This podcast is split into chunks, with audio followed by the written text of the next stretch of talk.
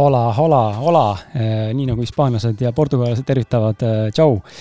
tere tulemast taas kord jälle kuulama podcast'i Ausad mehed, mina olen Kris ja, ja, ja täna istun samamoodi koos ühe äärmiselt vahva tütarlapsega ja räägime siis natuke teistsugustel teemadel, kui viimased võib-olla ütleme siin kuu-poolteise jooksul on need teemad päevakorras olnud. täna võtame natuke sellise praktilisema ja ütleme mm, igapäevasema teema äh, esile ja just äh, eriti ka praegusel ajal, kus siis tegelikult äh, paljud inimesed on töötuks jäänud äh, ja, ja vastupidi, ka siis loodetavasti piirangute levenemise korral hakkavad siis ka tööd uuesti otsima või töövõimalusi uuesti saama, nii et igatepidi relevantne info.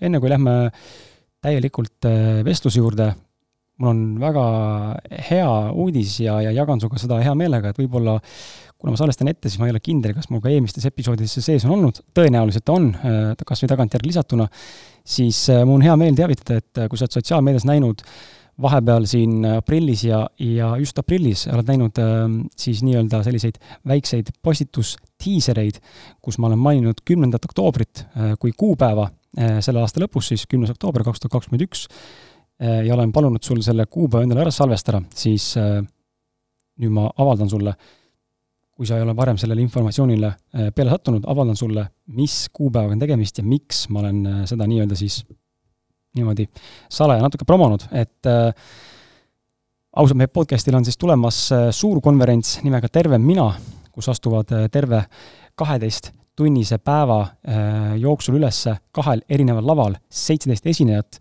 kes räägivad trennist, liikumisest, toitumisest, tervisest, tervislikkusest, vaimsest tervisest, psühholoogiast äh, ja nii edasi ja eesmärk on siis selle üritusega anda sulle informatsiooni ja praktilisi näpunäiteid, harjutusi ja soovitusi, kuidas saaksid ka sina olla tervem ning liikuda edasi enda isikliku tervema mina suunas. miks ma ütlen tervem, on sellepärast, et mitte keegi meist ei ole tervislikkuse etalon, me kõik aeg-ajalt patustame ja teeme igasuguseid pättuseid ja sööme jama ja, ja oleme ka laisad, äh, oleme loodrid ja selle konverentsi eesmärk pigem on anda sulle kätte siis sellised äh, mõnusad pehmed sammud, et sa saaksid muutuda koos läheb juba, juba konverentsi päeval siis ja ka järgmistel päevadel muutuda tervemaks. Eh, see on teekond, see ei ole üle päeva hüpe, see on teekond ja, ja see võtab aega, nii et ma loodan, et need tööriistad, mis sul sealt tulevad, on, on selles mõttes huvitavad ja, ja sind arendavad ja samuti ka sulle mingitki väärtust loovad. üritus saab olema meil siis kultuurikatteruumides ja meil on seal toitlustus kohal, meil on seal kohal ka Äh, müügiputkad, meil on seal podcast'i lava, meil on seal pealava ja ma saan öelda sulle, et esinejateks on siis pealaval on Jaanika Tapper, kes on toitumisterapeut, meil on sotsiaalmeedia influencer, blogija Merilin Taimre, meil on maailmameister jõutõstmises Kaido Leesmann, meil on autor, esineja, teadlane ja biohäkker või biohäkker Siim Land, meil on Boost Yourselfi kaasasutaja Sven Nuum, psühhiaater, arst ja vaimse vormi edendaja Helena Lass ja terapeut, hüpnotisöör Maris Saar. Ning podcast'i siis äh, laval, kus on siis teine lava nii-öelda, mitte pealava, teisel laval astuvad üles siis selliste pooletunniste vestluste, äh, intervjuude raames, astuvad üles siis toortoitlane ja brä-, šokolaadibrändi Stay Young looja Horre Saluste, toitumisnõustaja Kohvik Popp omanik Tiia Tooming, ohjale toitumisterapeut ja spetsialist Reelika ja samuti on meil coach Anne Laun, meil on Eesti üks tuntumaid ja tunnustatumaid hambaarste, doktor Meelia Mõttus, meil on psühholoog ja teadlane Erki Kaikonen, meil on MyFitness treener Lemme, Lemmo Jaanus, meil on toitumisterapeut Triin Terasmaa ja meil on brändi Seentevägi ja Brain Brain omanik Henri Liiv ja tegelikult viimasena veel on meil ka äh, aktivist ja entusiast ja treener ja, ja kes iganes veel, Sandra Raju, nii et ähm, kui sul on vähegi huvi, mine otsi üles Fientast meie üritus Terve mina ja tule soeta enda pilet. üritus saab eh, osa võtta nii live stream'ina kui ka kohapeal füüsilise pileti soetamisel, nii et valik on sinu enda oma.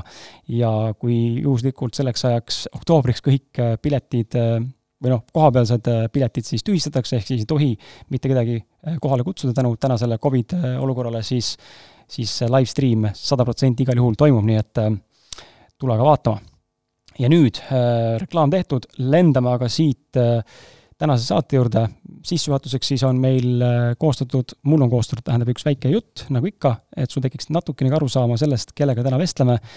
Ja loomulikult siis äh, suurem pilt äh, tänasest külalisest tuleb sulle siis äh, tegelikult tänase vestluse käigus. nii et äh, täna istub minu vastas siis Irene Annus, kes on pädev kogemusnõustamisega palga läbirääkimiste ning enesekehtestamise ja teadlikkuse vallas, mida ta on praktiseerinud juba kaksteist aastat. Irene usub, et kogemus on parim õpetaja. sellele samale uskumusele on ta ehitanud ka enda kogemusnõustamisteenuse, mis tuleneb elust enesest ja eeskätt tema enda läbiproovitud kogemustest, mida ta on lahkesti nõus täna siin sinu ja minu ja kellegi iganes äh, tegelikult ka muudel aegadel jagama leiva toob Irene täna lauale IT-tarkvara arendusvaldkonnas töötades, kus ta juhib kaht arendustiimi Agile coach'ina. mis asi on Agile coach, äh, sellest me saame kohe rääkida ka.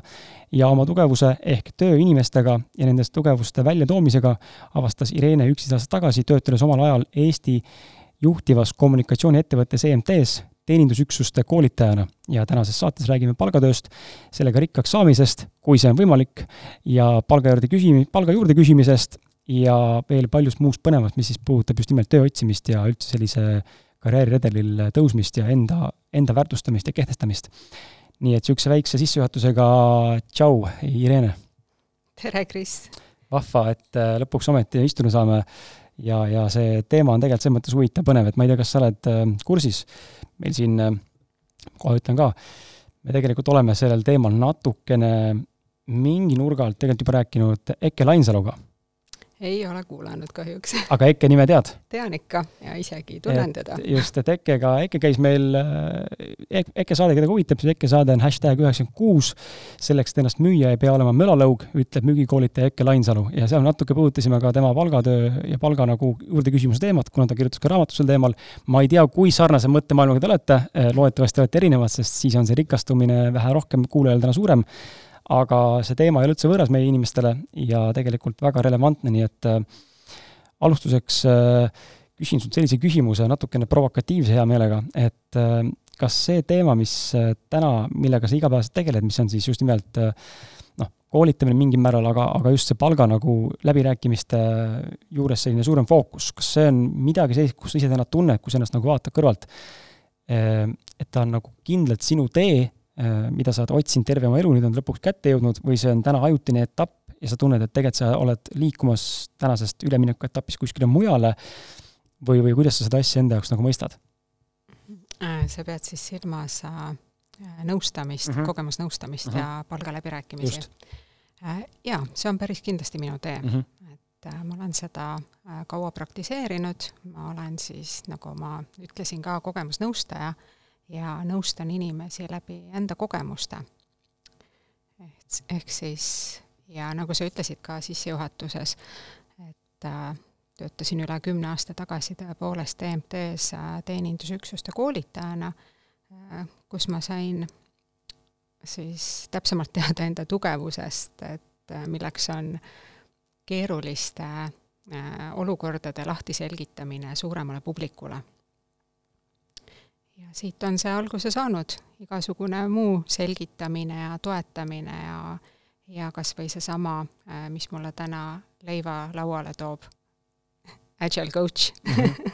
räägi, mis asi see üldse on, et see on, kas ta on lihtsalt äh kas ta nagu eraldi päriselt ka coach'i mingi vorm, oskad sa äkki veel nimetada praegu puusalt mingisuguseid erinevaid coach'i nii-öelda, ma ei tea, tiitleid või silte, kuidas coach'id ennast tituleerivad, või see on äh, lihtsalt ise kuskilt äh, külge poogitud, selles mõttes mingi tähendus? see ei ole lihtsalt külge poogitud, see ongi äh, IT-arendusvaldkonna agiilse metoodika tiimid on tehtud tarkvaraarendustiimid ja agiilne tarkvaraarendus tähendabki seda, et et tehakse tiimides hästi palju koostööd ja improvement'e ja hoolitsetakse tiimi dünaamika eest ja ja samas ka selle eest, et tiimid perform iksid hästi, et äh, iga roll teaks enda vastutust ja võtaks vastutust. ja selle tiimi dünaamika ja coach imise eest hoolitsebki agile coach või siis äh, Scrum Master, võib-olla seda rolli on rohkem kuuldud, ehk siis äh, hoolitseb tiimi eest äh,, sisekliima eest äh,, tunneb hästi tiimiliikmeid äh,, aitab koos tiimiga tagasi vaadata äh, retrospektiividel äh,, mis on hästi õnnestunud ja mida saab teha paremini. et äh, sellist tüüpi coach imine päris huvitav, see on jälle midagi sellist, mida mina ei tea kumbagi neist, mis see oli, Scrum Master või? Pole nagu kuulnudki ja Agile Coach on ka selline asi, et noh, pole üldse kuulnud, aga nagu ma aru saan, kuna ta on IT-tarkvara IT-sektoriga või kogu selle maailmaga nagu seotud, siis noh, on, on, pole ka midagi imestada, kui ma ise selles valdkonnas ei tegutse igapäevaselt aga sa, et ei olegi midagi imestada ja kindlasti sa kuuled sellest järjest rohkem. Eh, miks mulle meeldib ka eh, enda töö ja tiimidele hästi lähedal olla, ongi seepärast, et eh, kui me nüüd vaatame IT-valdkonnast väljapoole, siis mm, miks inimesi ei tunnustata tihti enda tööl või miks äh,, miks nende vajadusi ei märgata, ongi seetõttu, et äh, keskmises organisatsioonis on üksused või osakonnad ja on nende juhid ja juhtide alluvuses on väga palju töötajaid, kakskümmend, kolmkümmend inimest, aga siis äh, osakonna juht, et ta tegeleb hoopis teiste ülesannetega ta tegeleb eelarveldamisega ja vaatab, vastutab tulemuste eest, on koosolekutel päevad läbi, nii et tegelikult inimestel ei olegi niisugust äh, vahefiltrit või nii-öelda usaldusisikut, kellega rääkida enda muredest, äh, rõõmudest ja ka parandusettepanekutest. see on suur probleem. nii et äh, agiilses tarkvara arenduses on ongi see hea asi, et on olemas tiimides Scrum Masterid või coach'id, kes ongi kõige lähemad inimesed enda äh, tiimiliikmetele, kelle juurde saab tulla nii murede, rõõmude kui ettepanekutega. et äh, Scrum Masterid ja Agile coach'id on siis justkui ütleme, osakonna juhatajate ja tiimiliikmete selline vahendav äh, lüli, mis siis on kommunikatsiooni nii-öelda siis, ma ei tea, alus või kommunik-, kommunikeerija nii-öelda siis? täpselt nii mm. -hmm jah, ja muidugi äh, coach'id, agile coach'id ja Scrum Masterid siis äh, äh, coach ivad tiimi ka agiilsete arendusmetoodikate osas, et kas me teeme selle järgi, kas me toimetame ühiste väärtuste järgi ja nii edasi, aga ka muidugi moraalse toetamise mm -hmm. ja käehoidmise poole pealt kindlasti. tunnustamine ja kõik see see tunnustamine on, vot see tunnustamine on minu isiklik äh, kogemus ka olnud äh, või noh, või siis vastupidi, tunnustuse puudus äh, või puudulikkus, et noh, ma ei saa näpuga näidata ühegi ettevõtte poole, selles mõttes, et iga ettevõte on enda nägu ja tegelikult sõltub väga sellest, kes on see juht ja kes seal juhib. aga noh, selge see, et see tunnustamise, ma ei tea, võib-olla see on eestlaste pärusmaa.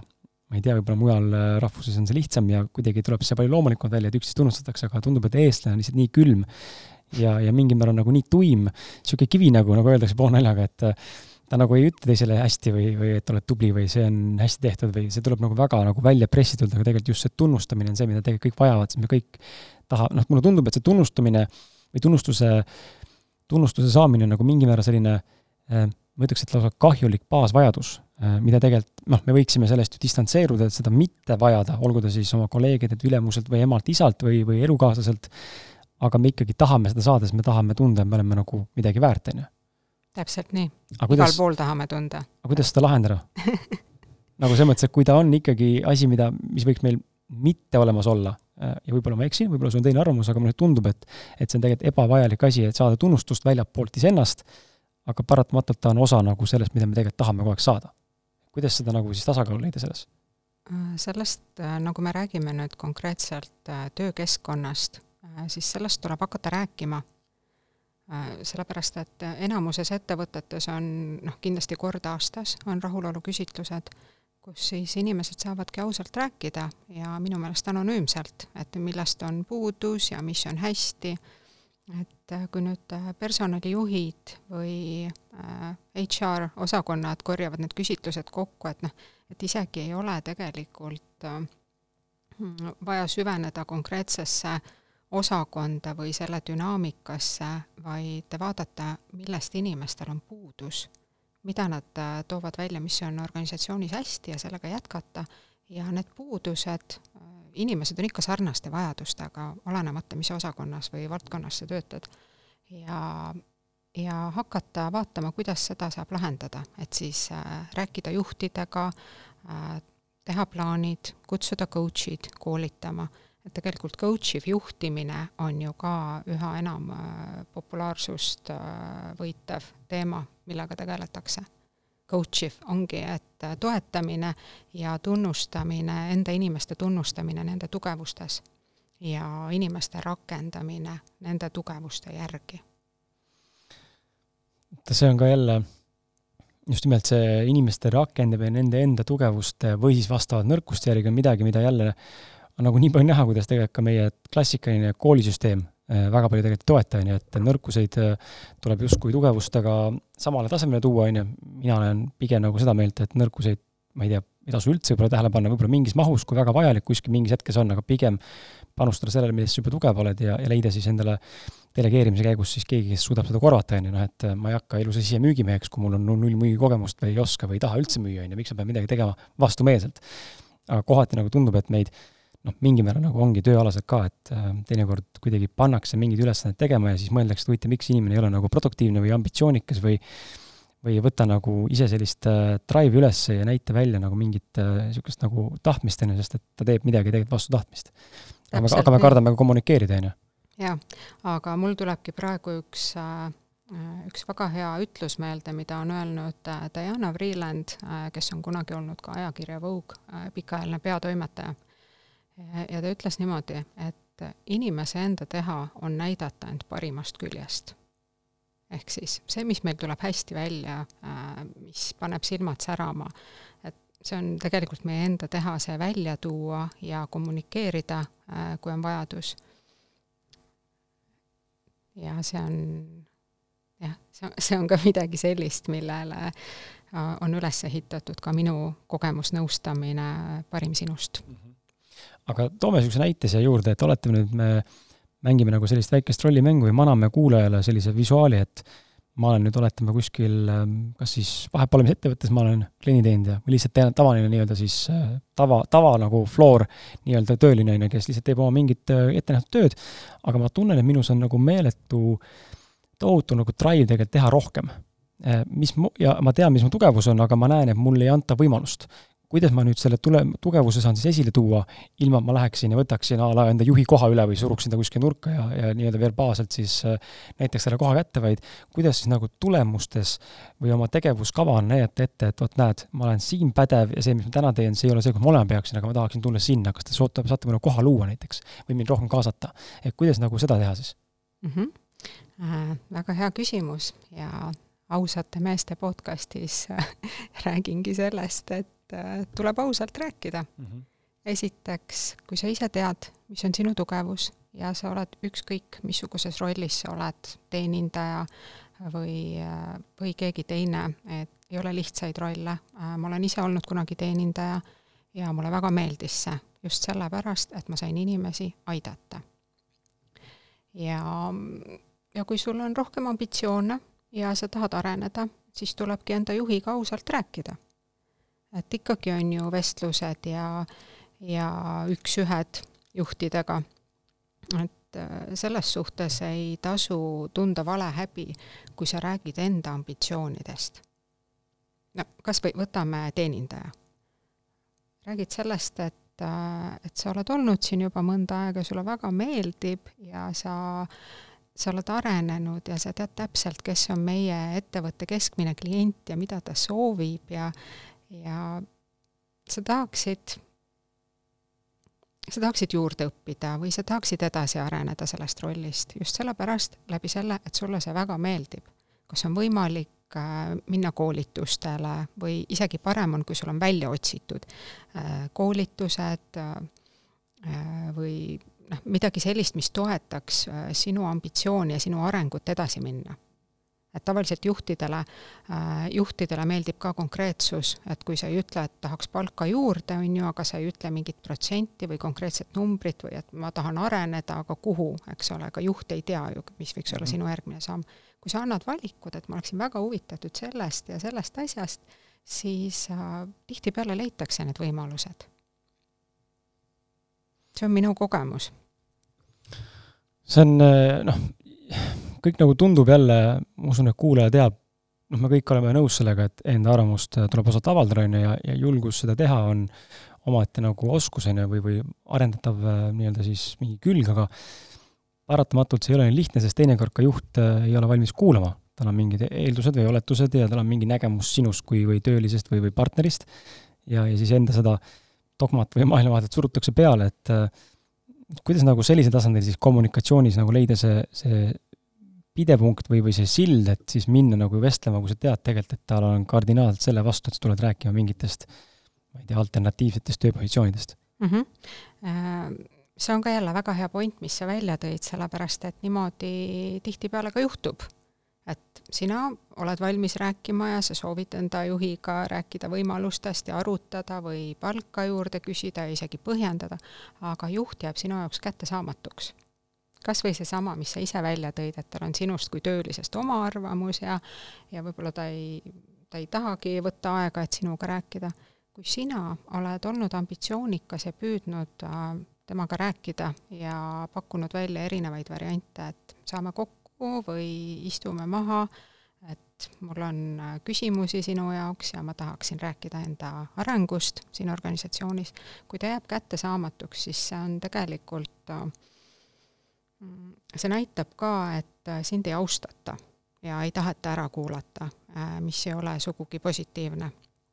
Aga sina ikkagi juba tead enda tugevusi, sul oli juba siin enda juhiga, sa olid valmis rääkima enda arenguplaanist.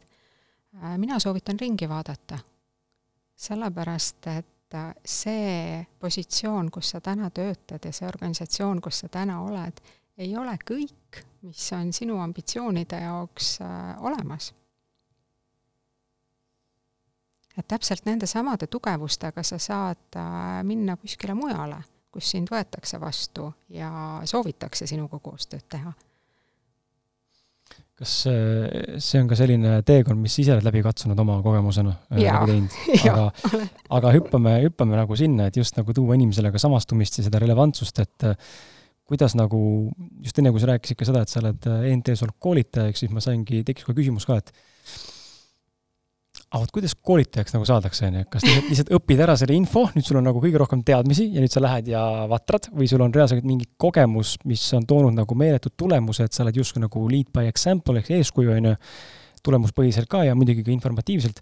et äh, mis on sinu nagu see teekond olnud seal, miks, miks sa täna oled siis äh, nii-öelda äh, kogemusnõustajana siis palga läbi, läbirääkimistes just enesekehtestamise teemadel äh, seda küsimust ei ole küll mitte keegi minu käest kunagi küsinud, kuidas ah. sa said koolitajaks ja, ja ja ma nüüd heldimusega mõtlen sellele ajale tagasi, kaksteist aastat tagasi, et kuidas ma sain koolitajaks. no sest, et täna vaatan ju neid self-made gurusid, ma teen jutumärkides, neid on nii palju, ju, kõik on ilged superstaarid ja koolitajad tegelikult ise pole ja, midagi kogenud. ja coach'id, just, just., ja, ja et ma ei taha halvustada, sellepärast -hmm. et ma tean, et coach'iks ja koolitajaks õppimine on äh, päris äh, pikk protsess.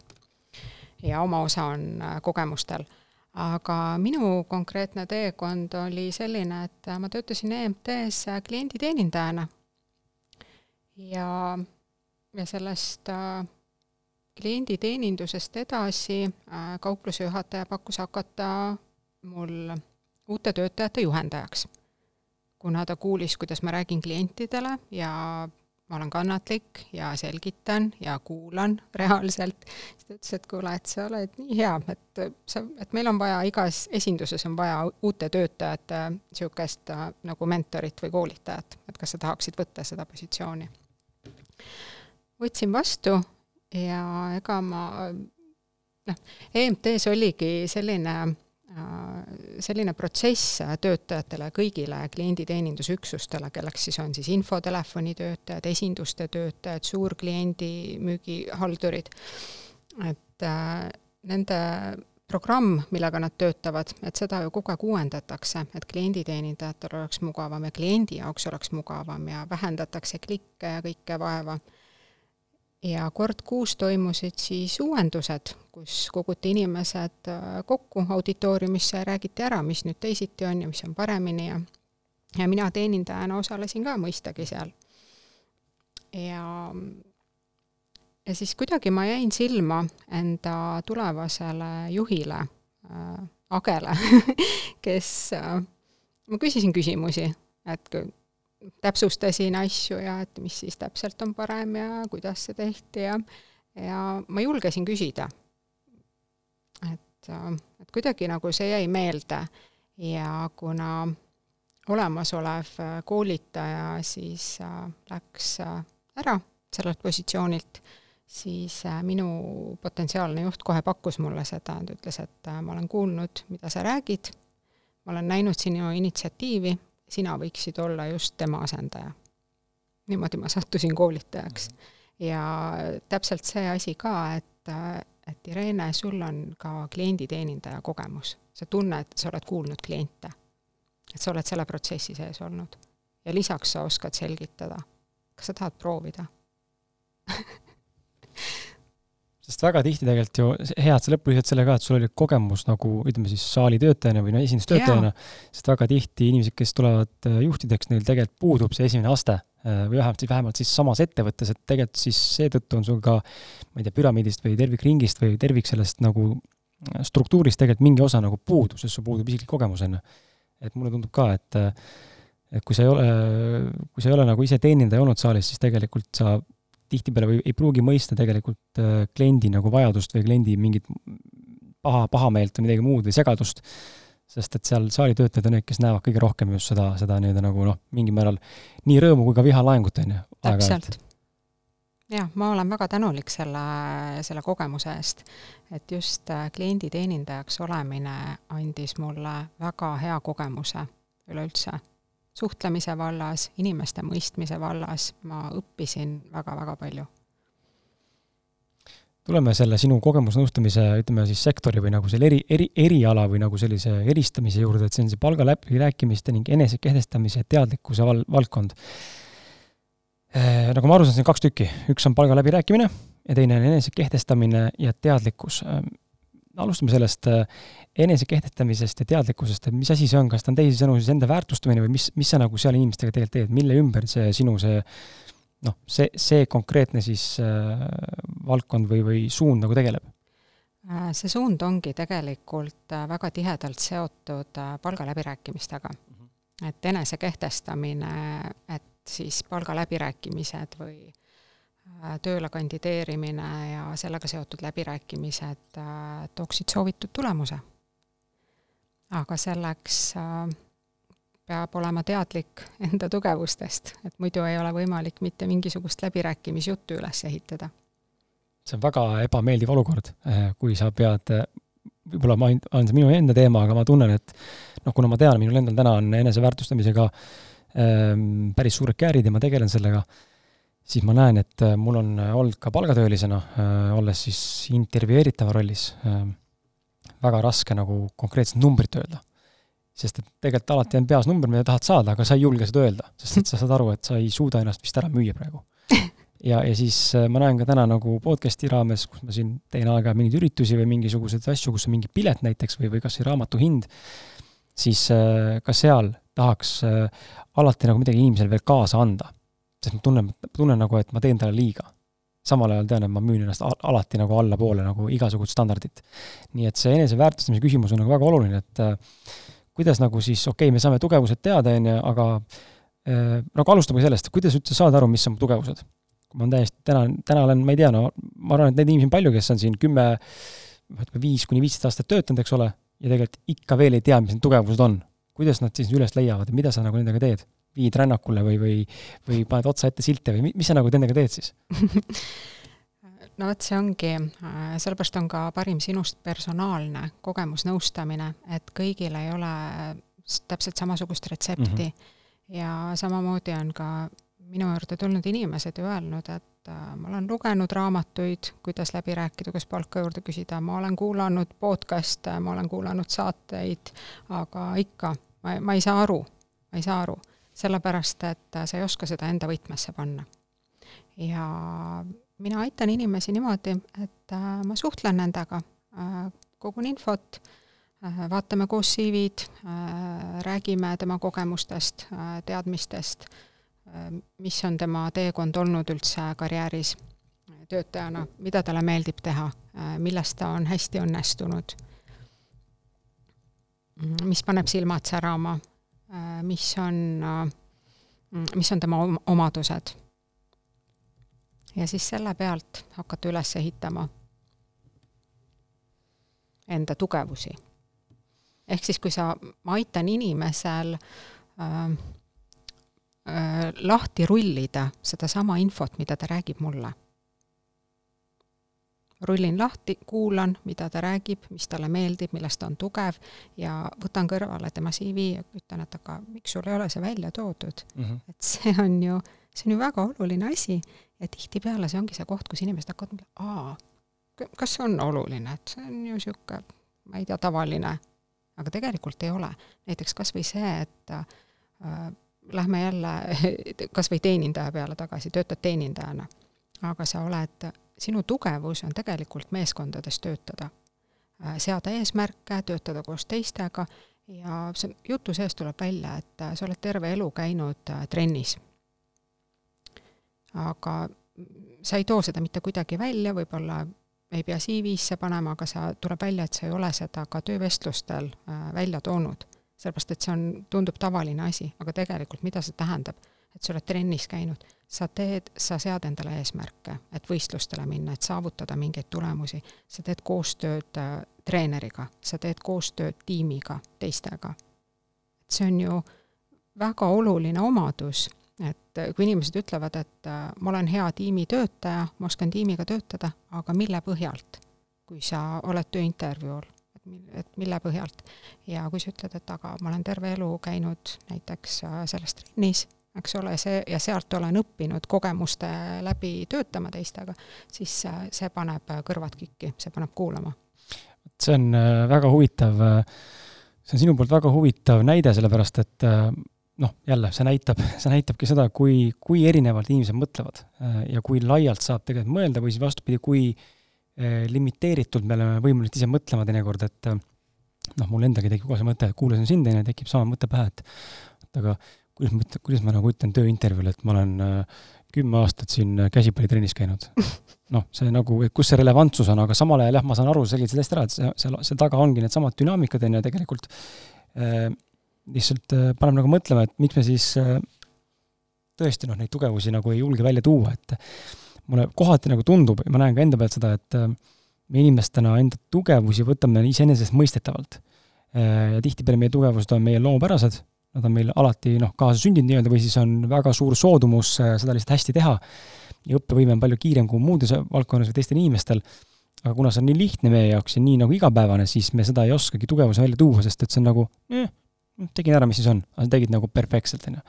et noh, mina nagu saatejuhina või ka podcaster'ina näen täna, et minus on mingi eristatavus võrreldes teatud teiste podcaster'iga, keda ma olen sattunud kuulama, ma ei, ma ei nimeta nimesid, aga ma näen ja tajun erinevust, aga samal ajal ma ei, ka ise isiklikult ei oska sinna täna veel väga nagu panna taha seda noh, mitte küll väärtuspakkumist, aga enda väärtustamise osa, et ma nüüd olen nüüd a la väärt seda või toda või teistsugust kohtlemist või teistsugust tasu või kuidagi, et ikkagi see on minu jaoks nagu nii lihtne, see tuleb mul nii kergelt, et ma võtan seda kui nagu iseenesestmõistetava teekonnana. aga kuidas seda lahendada, mis see siis on, et või, või nagu kuidas märgata või ma ei teagi, mis ma küsida tahan, et miks, miks, miks inimesed ei tee niimoodi, miks nad, miks nad on nagu nii kinni selles, et see on, noh, see on ju nii tavaline, ma lihtsalt teen seda, ma siis, ja siis panen seda kirja või ei too esile seda sa juba ise vastasid oma küsimusele mm., sest et see tundub nii tavaline no. ja vaata, sellepärast ongi teinekord vaja kedagi kõrvale mm, -hmm. kes äh, sinu jaoks äh, tavalised äh, noh, mida sa isegi ei nimeta, ei too tugevustena välja, sinu jaoks täiesti tavalised asjad, aga on äh, kõrvaltvaataja silmis kuld. kuule, sa oled, sa oled nii hea, sa teed nii hästi plaani sul on kõik äh, tegevused reas ja veel on tagavaraplaanid ja et alati, et sinuga tiim saavutab häid tulemusi ja miks sa seda välja ei too? et sa, sul on strateegiline mõtlemine. näiteks paned enda tugevuseks isiksuse omadused, strateegiline mõtlemine, aga sa pead, kui sa oskad seda ka äh, palgaläbirääkimistel või äh, tööle kandideerides lahti selgitada, et äh, strateegiline mõtlemine, et siin ma mõtlen seda ja seda mm. -hmm et näiteks, et mul, mul, ma oskan teha hea plaani, ma oskan seda esitleda enda tiimile ja mööda seda liikudes me oleme saavutanud seda ja seda. see, see oli nagu võimekus tööintervjuul või läbirääkimistel eh, selliselt siis nagu ka reaalselt näiteid tuua, eeldab väga suurt eneseteadlikkust ja kõrvaltvaatamise oskust, on ju, või vaatlemise oskust, sest et äh, ma kujutan ette, ka ise olen kogenud seda, aga ma kujutan ette, et suur osa inimesi tegelikult ongi niimoodi, et on küsimus ja siis sul on äh, täiesti nagu pea tühi töö intervjuul ja kõik, on ju, et ainult paberil kirjas, ahah, et ainult siin on kirjas, aga need tuua ei oska ja ei, praegu ei oska jah, no okei okay,, no selge, okei okay,, on ju, noh siis ei ongi vastus puudu, on ju, et, et see kramp on teistpidi nagu suur inimestel, aga, aga just nimelt see enese kõrvalt vaatlemise oskus on see, mis tegelikult aitabki siis neid äh, samastumisi ja seoseid nagu märgata ja tuua ja siis noh, seal on, seal peab olema see mõistmine, aga ma nüüd ei tea, kuidas inimene peaks eneseteadlikuks saama, et äh, see kuidagi tuleb ise Ähm. see, see tuleb ise siis, kui sul on tavaliselt piisavalt suur valu mm. -hmm. et saab nüüd, oledki tööst ilma ja sa oledki praegu lõhkise küna ees ja arved vajavad maksmist, eks ole, mis ma teen, mis ma teen. et äh, tihtipeale on see põhjus, miks inimesed minu juurde jõuavad ja ma aitan neil siis lahti rullida ja, ja nad on nii õnnelikud, kui nad kuulevad, et issand, kui hea, sa oled esimene inimene, kes ütleb, et see on reaalselt minu tugevus ja päriselt on ka aga ma ei ole seda mitte kunagi välja toonud. ja mina soovitan, aga too välja ja vaata, mis juhtub. ja tihtipeale nad saavutavad häid tulemusi mm. -hmm. saad soovitud töökoha või palgakõrgendust. ja see eneseteadlikkuse juurde jõudmine, äh, sa ütlesid, et see on keeruline ja inimesed äh, jäävad tihti jänni, et nad ei oska lahti selgitada. ei CV-s ega ka vestlusel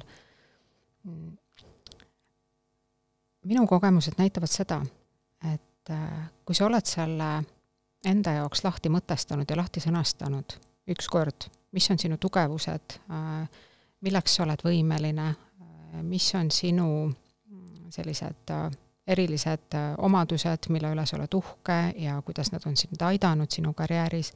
Ja erinevaid eesmärke saavutada, kui sa paned ükskord selle kõik kirja paberi peale siis edaspidi sul ei ole enam raske, sul ei ole mitte kunagi raske, sest et sa oled aru saanud päriselt, mis sinu tugevused on ja sul ei ole keeruline neid kirjeldada mitte kuskil.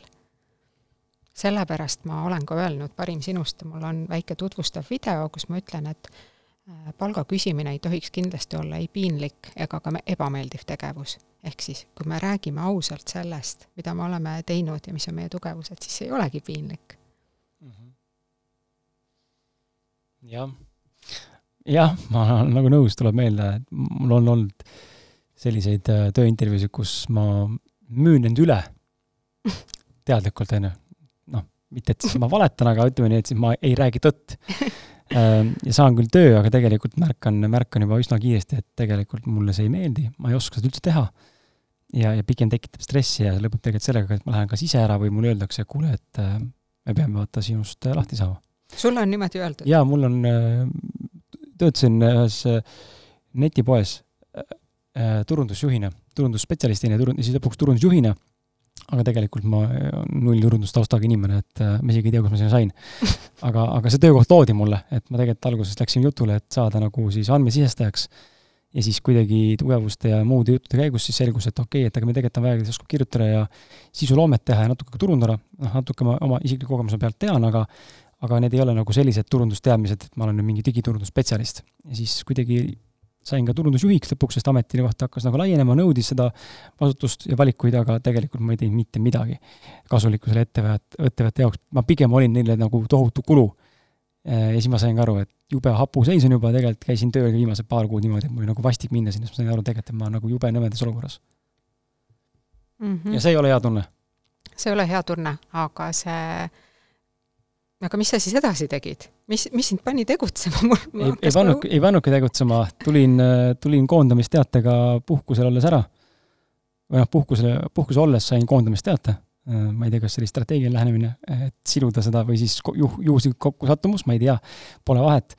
aga ma ei olnud ka kurb, sest ma tegelikult ootasin seda, et see varem või hiljem juhtub ja siis jaa käisin äh, Töötukassas karjäärinõustamise sellisel sessioonil, ma olen väga nagu selles mõttes äh, selline inimene, ma tõesti ei tea nagu, tegelikult ma täna tunnen, et äh, mis tahtsin öelda, peaks äkki juurde tulema, et ma tegelikult ei tea, mis tööd ma tahan teha. aga samal ajal ma saan aru ka sellest, et ma ei olegi mõeldud teiste inimeste unistusi täitma.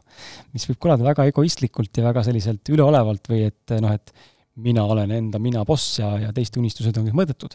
aga ma näen lihtsalt, et mu koostööd nii ettevõtte OÜ-de raames kui ka siis palgatöölisena lähevad kogu aeg lühema ajaperioodi peale. et noh, a la kaks, kaks aastat on ju, aasta, pool aastat, siis on kaks kuud ja nüüd on olnud kõige lühemad etapid on vist nädal aega või, ja siis saab otsa. ja ma olen märganud, et ma ei, ma ei, mul ei ole näiteks loomingut. kui ma teen kellegagi koos midagi, siis see ei ole sama, kui ma teen üksinda enda asju. seal on nagu mingi teine dünaamika hoopis taga ja signatuur ja see, kuidas see kõik voolab ja elu toetab ja see on hoopis nagu teine ja ma näengi, mul on väga raske minna palgatööle, sest ma ei tea, mida ma teha tahan. Ja ma ei tea, mis on see töökoht, kus ma tunneksin, et ma tahan päriselt panustada, sest enamikes kohtades mul kaob huvi ära endal ka mingi hetk mm. -hmm aga tegelikult sa juba oled ise vastuse leidnud, sa, sa ütlesid, et sa ei ole sellist tüüpi inimene, kes, kes oleks teiste unistuste täitmiseks mm. -hmm ja sa oled juba endast teadlik nagu ma näen. jaa, aga siin tekib veel küsimus juurde, ma arvan, ma ei ole ainukene, et okei okay,, kui täna saan aru, et ma tahan oma asja teha ja see ongi nii suureks kasvanud täna juba, et see on täiskohaga töö, raha sellega sisse ei tule, siis midagi peab tegema, on ju, et noh, mis ma siis teen. ja, ja see ongi nagu huvitav, et kas siis panen endasse pausi, lähen sunniviisiliselt, silmad kinni äh,, olen nagu vihane enda peale ja maailma peale, lähen siis tööle, on ju, mingisuguse numbri pärast. või, või kuidas siis nagu seda lahendada, kus see kesktee siis on? Et äh, kui on siis palgatöölisest väikeettevõtjaks saamine või siis startup'i puhul suurettevõtjaks saamine, aga see vahepealne etapp on selline, mis võib tekitada väga nagu suurt segadust elus, on ju.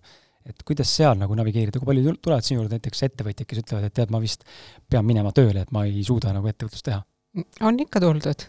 aga sa aga..., sa pead ka minu juurde tulema. see on, ma näen juba, et see on pikem arutelu ja mul on vaja taustainfot. aga, aga lõpuks, kui sul on inimene, kes äh, kes aitab sind ennast kõrvalt vaadata, siis on palju lihtsam. ehk siis jällegi enda tugevused üles listida mm, -hmm. üles listida see, mis sulle päriselt meeldib. kõik on kuulnud ju seda ütlust, et kui sa, äh, kui sa teed tööd sellisel alal, mis sulle päriselt meeldib, siis sa ei pea päevagi tööl käima mm. -hmm. et äh, ja see ei ole mingi müüt töö panebki silmad särama, kui sa päriselt ise ka sellest midagi saad mm. -hmm. nagu mina näiteks klienditeenindajana, ma sain, minu jaoks kõige suurem tunnustus, palganumber ei olnud midagi erilist, aga just see äh, klientide siiras tänu. aitäh, et ju-, just teie aitasite lahendada mul selle küsimuse või leida vastuse või kuidagi muud moodi aidata. see siiras tänu on see, mida ma arvan, et kõik klienditeenindajad äh, teavad see on kõige olulisem ja see aitab sind edasi ja sa tahad olla veel parem. ja täna äh, kogemusnõustajana äh, siiras tagasiside klientidelt on kõige olulisem, mida ma olen aastaid kogunud ja kokku kogunud. kui ma olen suutnud päriselt kedagi aidata. ja sellepärast ongi parim sinust ellu kutsutud, et ma saaksin aidata rohkem inimesi ja sama oluline on ka minu roll agile coach'ina enda IT-arendustiimides. kui ma näen, et tiimis inimesed saavad päriselt aru, mida ma neile selgitan ja mida ma räägin, ja kui nad tunnevad, et mina tunnen päriselt nende vastu huvi, kuidas sul läheb või kuidas sul selle teemaga läheb, äh, kas sa oled jännis, vajad sa abi, missugust abi sa vajad? kas keegi teine saab tiimis aidata? see on äh, väga huvitav äh, ja, ja tekib äh, jah, niisugune mõte, et äkki peaks tõesti tulema selle jutule, aga võtame selle teise, teise sinu eriala või nagu sektori ka ette, et see on siis palga läbi, läbirääkimised, et äh, kuidas nagu seal siis navigeerida, no sa ütlesid ka, et ei tohiks olla piinlik palga küsimine ja ei tohiks olla ka, mis see teine oli, mitte piinlik ja ebameeldiv, ebamugav, ebameeldiv, ähm, jah kuidas nagu siis seal, kuidas nagu päriselt küsida seda summat, et ma jään ise rahule sellega ja samal ajal Eh, ei tunne ma ennast nagu sõnas mõttes sitasti, et ma kellelgi röövin nüüd meeletult raha välja, nagu mina kogemata juhuslikult tegin, on ju. Eh, noh, võib-olla asi ei olnud nii hull ka, aga läbi minu enda prisma ma nagu näen seda, et ma tegelikult ei olnud nagu rahul sellega. et eh, mis nagu seal see võlu, võluvõti on? Mul on hea meel kuulata, et sa jagad ausalt enda kogemusi ja nagu mina rääkisin ka kuulajatele enda kogemusest, et see paneb kindlasti paljusid mõtlema aga kuidas siis küsida? no vot, see on jällegi seesama teema, mis koorub välja ka äh, inimeste käest, kes on minu poole pöördunud. tuntakse kuidagi või enda panuse vähendamine on väga tüüpiline, äh, mida inimesed tunnevad miskipärast. Äh, mulle öeldakse, et jah, mulle meeldib enda töö, aga palk on väike, aga no, no kuidas ma lähen küsima, see on ju minu töö. et see ongi see, mis ma teen, no kuidas ma küsin rohkem, et ma ei tea, ebamugav, ebamugav, on ju. ma olen hästi palju kuulnud seda sõna, et ebamugav, et sa lähed midagi nagu küsima, mis, mis on sinu jaoks ebamugav mm. -hmm. aga siis me jõuamegi alati sinna, hakkame arutlema, et miks see on sinu jaoks ebamugav.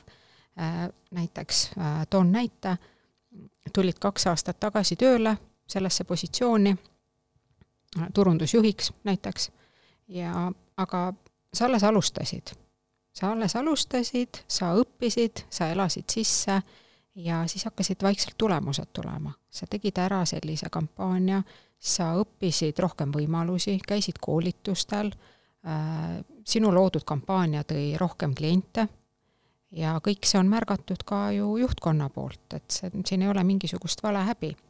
kui sa lähed ja räägid sellest arengust äh, alustad kõigest äh,, kõigepealt tuleb olla kindlasti tänulik, kui sa lähed enda juhiga rääkima, et et sa oled väga tänulik, et sul on olnud see võimalus siin organisatsioonis panustada selles rollis ja sulle väga meeldib enda töö. ja just sellest sa tahadki rääkida, just sellest ma tahangi praegu rääkida, et äh, olen arenenud, olen saavutanud äh, ja lahti selgitada täpsemalt, et sa oled saavutanud ja sul on selle üle hea meel, et organisatsioonil läheb hästi. et siin on ka niisugust äh, et tihtipeale äh,, kuidas ma ütlen, aetakse segi mm, suurustamine ja äh, põhjendatud küsimine, et need ei ole sünonüümid. et äh, ma olen kuulnud inimesi ütlemas, et noh, et kuidas ma siis taon vastu rinda ja lähen ütlema, et ma olen kõige parem. et äh, see, see ei ole tegelikult nii. kui sa selgitad, et sul on, et tänu sinule äh, läks ellu selline uuendus või muudatus või kampaania äh, või eesmärgi saavutamine ja sul on lihtsalt hea meel näha, kui palju kliente see toob. ja sul on hea meel, et sa näed et enda arengut, sa oled õppinud. aga sul ei olnud seda teadmist kaks aastat tagasi et äh, kas me võiksime rääkida ka minu arengust, äh, minu palgast selles osas. Et ma hea meelega panustan ka edaspidi ja õpin veel juurde, aga äh, sa soovid rääkida nüüd sellest, kui palju sa oled arenenud? see on huvitav, mul tuleb jälle meelde, mul siin paar aastat tagasi oli, jah, see on paar aastat tagasi, ma arvan, üks kolm pool oli esimene, saan öelda, see on elu esimene ja tänaseni siis viimane ametikoht, kus ma olen tundnud päriselt sellist nagu tohutut drive'i. Niimoodi, et noh, ma muidugi ma ronisin ka karjääriredelit ka teenindajana siis osakonna juhatajaks ja päris kiiresti ja ma, ja küsisin ka palka mitu korda juurde ja kogu aeg sain ka, sest ma teadsin, mida ma olen väärt ja kui palju ma tegelikult, noh, ma näen, mida ma igapäevaselt saalis teen ja mida ma teen teenindajatega ja koolitamistega ja klientidega ja kõige muuga, et see polnud nagu küsimustki, isegi kui ma teadsin, et juhtkond tegelikult ei näe seda, siis ma teadsin, ma suudan nagu ära seletada, et äh, fucking tule vaata, pood on laitmatu. Et, äh, et seal nagu see toimis ja ma esimest korda olen nagu elus tundnud jah seda, et seal ma nagu päriselt tahtsin panustada, aga see oli ka mingi hetkeni. Kuni, kuni seal tuleb mängu see tunnustamise pool, on ju, et tunnustust nagu ülaltpoolt ei tulnud, vaid olid niisuguse kahe leeri vahel, et ühelt pilt siis, ühelt poolt alt siis nii-öelda sinu, mitte alluvad, aga ütleme, sinu tiimiliikmed, kes siis sinu poole ülalt, alt üles vaatavad ja sina neid juhendad, nemad siis on ka seal võib-olla vahetuvad ja või mõni, mõni, mõnele see ei meeldi, on ju, ja siis teistpidi äh, ketijuht, on ju, või, või siis äh nii-öelda osa, osakondade juhataja, siis äh, tuleb, vaatab vastupidi sinu peale, karjub, on ju, sa oled nagu kahe leeri vahel ja see nagu oli hästi pingeline, hästi ebameeldiv olukord lõpuks, et äh, seal ei olnudki eriti tunnustamist, vaid äh, rohkem selline vaimne terror ja siis ma lõpuks otsustasin, et kõik, nüüd on stress on laes, rohkem ei viitsi, ei soovi enam, et äh, minu pärast andke või kaks tuhat eurot palka, aga ma lähen minema. et kuigi töö oli, oli äge, nagu mulle meeldis väga. Et ähm, see on hästi huvitav jah, kuidas, kui sa nagu tabad ära selle, et või noh, sul tekib see teadmine, jälle see on see eneseanalüüsi pealt, tekib teadmine ja arusaam, et sa oled päriselt loonud nagu ettevõttele väga palju väärtust ja sa oled tohutult panustanud sinna, siis on see julgus nagu noh, siis ei olegi enam mitte julgust küsida, sest et see on nagu nii loog-, loogiline, ma nüüd küsin juurde, sest et ma olen väga palju panustanud. et see ei saagi tulla äh, nii-öelda piltlikult nagu väga nagu feigi koha pealt, vaid sa pead päriselt äh, ise ära tajuma, et okei okay,, ma päriselt olen midagi teinud. jah, ausus enda vastu mm. -hmm. Sa tead, et sa ei, et need numbrid ei ole võetud laest ja sa usud ja sa näed, et sa oled ära teinud, aga seda näevad ka teised. aga lihtsalt, kui sinu juht on see, kes otsustab, kas sa saad palka juurde, siis sa pead oskama talle põhjendada sedasama, mida sa ise juba tead ja mm -hmm. usud. ja tegelikult sa tõid äh, väga hea näite enda elust praegu, mida ka mina olen kuulnud väga palju ja mida ma olen ka ise päriselt kogenud, kus äh, suur palganumber ei ole tihtipeale see, äh, mis sind õnnelikuks teeb. sa ütlesid väga olulise teema, töökeskkond. kui töökeskkond on mürgine ja sa tegelikult, sina seal vahel oled, sa ei saa seda parandada ja sa ei saa midagi teha ja sinu panus, et sa teed enda tööd hästi, ei aita sellele kaasa. mürgine töökeskkond on väga suur probleem ja seda ei saa lahendada üksi või kahekesi, et see peab tulema ikkagist juhtkonna poolt ja, ja sellest on palju räägitud, aga jaa, et ikkagist jõuame sinna, kui su töökeskkond on mürgine, ja sa ei saa seal tegelikult oma asja hästi teha, siis olgu ükskõik kui suur palganumber, sa tuled ära. ja täpselt mina olen oma elus ka teinud selliseid valikuid, kus ma vahetan raha rahu vastu mm. -hmm. Minu tervis ja minu seisund on palju olulisem. kui see, kui see number lipikul, jah? täpselt, jah. et, äh, et lihtsalt ma olen kuulnud väga, isegi liiga palju lugusid nii enda lähedaste tuttavate kui ka sõprade ja töökaaslaste käest, et on kannatatud liiga kaua niisugust mürgist äh, õhkkonda ja stressi, inimesed jäävad haigeks mm. -hmm. ja see lõpuks enam aga miskipärast sa ikka oled seal ja loodad, et äkki midagi muutub ja sina ei ole ju midagi pahasti teinud ja tegelikult on ju need teised, kes kiusavad ja ja äkki lõpuks mu juht kuuleb ja äkki teised kuulevad ja äkki personaliosakond reageerib. aga mina soovitan, et ei tasu ootama jääda. kui sina oled juba rääkinud inimestega ja sa oled teatavaks teinud, mis on probleem ja sellele vaadatakse ikka läbi sõrmede ja peidetakse pea liiva alla, siis äh, enda vaimse ja füüsilise tervise huvides äh, tuleb ära tulla nii kiiresti kui võimalik, otsida uusi väljakutseid, sest et äh, mida kauemaks inimesed jäävad sellisesse mürgisesse keskkonda, siis sellega ka kahaneb sinu enda väärtus ja teadlikkus ja kõik, mis on tegelikult sinus head et täpselt nagu ka koolikiusamisega on ju, et äh, kui sinu, kui sind kiusatakse koolis, aga vanemad ütlevad, et no no katsu ikka kuidagi läbi saada ja leppige ära ja et see ei ole ju nii hull. aga sina väikse lapsena, sa pead ikka järgmisel päeval kooli minema ja sa lähed ikka iga päev sinna mürgisesse keskkonda. see on tohutult rusuv. nii et, aga täiskasvanutena me peame mõtlema enda peale number üks oled sina ja sinu vaimne ja füüsiline tervis. me oleme natuke rääkinud siin, ähm, või noh, tegelikult me oleme suuremas osas maininud siin neid tugevusi ja aga selge on see ka, et äh, ka väärtused äh, on asjad, mis on tegelikult väga olulised asjad, mille eest sa siis tegelikult nagu elus seisad või, või tööameti mõttes oled valmis seisma. oskad sa äkki öelda siin niimoodi puusalt, et millised on sinu peamised väärtused, näiteks millele sina täna oma elus äh, tugined ja kas nende ajas on ka muutunud mm? -hmm mm,? ma võin sulle hea kohe puusalt tulistada kolm väärtust, mis on mind saatnud algusest peale, mis ei ole muutnud, muutunud tähendab, et äh, üks on äh, noh, ma ei hakka neid tähtsuse järjekorda panema, sest et kõik on tähtsad ja neid väärtusi on veel, aga on väga hea ütlus, äh, how we do anything is how we do everything ehk siis äh, selle järgi ma elan just. et ehk siis absoluutselt kõiges, mida ma teen, äh, millest ma olen vastutav, ma üritan anda endast võimalikult parima. ma ei tee midagi poolikult, äh, mul on endale kõrged ootused ja sellepärast, et kõik, mis on minu tehtud, see esindab ju mind ka inimesena. kuidas ma saan endale teha allahindlust nii et ähm, see on üks väärtus, mille järgi ma elan. nii töös, enda rollis annan ma endast parima, sest et selle eest makstakse mulle palka ja mulle läheb päriselt ka korda, mis mu tiimides toimub. ja kodus samamoodi, sõpradega samamoodi. teine väga oluline väärtus, mis mind on saatnud kindlasti kogu elu, mitte ainult töökarjääris, vaid ka juba koolis ja lapsena, on positiivne ellusuhtumine. positiivne ellusuhtumine on, kui sa nimetad seda, siis äh, vahel saadakse ka valesti aru, et mis see positiivne on, et kas see tähendab siis, et sa pead kogu aeg ringi käima mingi suur lai totakas naeratus näol, on ju. ei, see ei ole see. positiivne ellusuhtumine minu tõlgenduses tähendab seda, et sa oled alati avatud lahendustele. Igale probleemile leidub lahendus, kui seda otsida ja hakata mõtlema ja maha istuda ja analüüsida. et äh, täpselt äh, mul on ka tütar, kes on tänaseks juba kahekümneaastane, et äh, temal on ka erinevates äh, vanuseetappides olnud igasuguseid küsimusi ja probleeme, mida ta räägib mulle ja mina siis äh, lapsevanemana alati kuulan ja toetan aga kõigil ei ole kohe lahendust.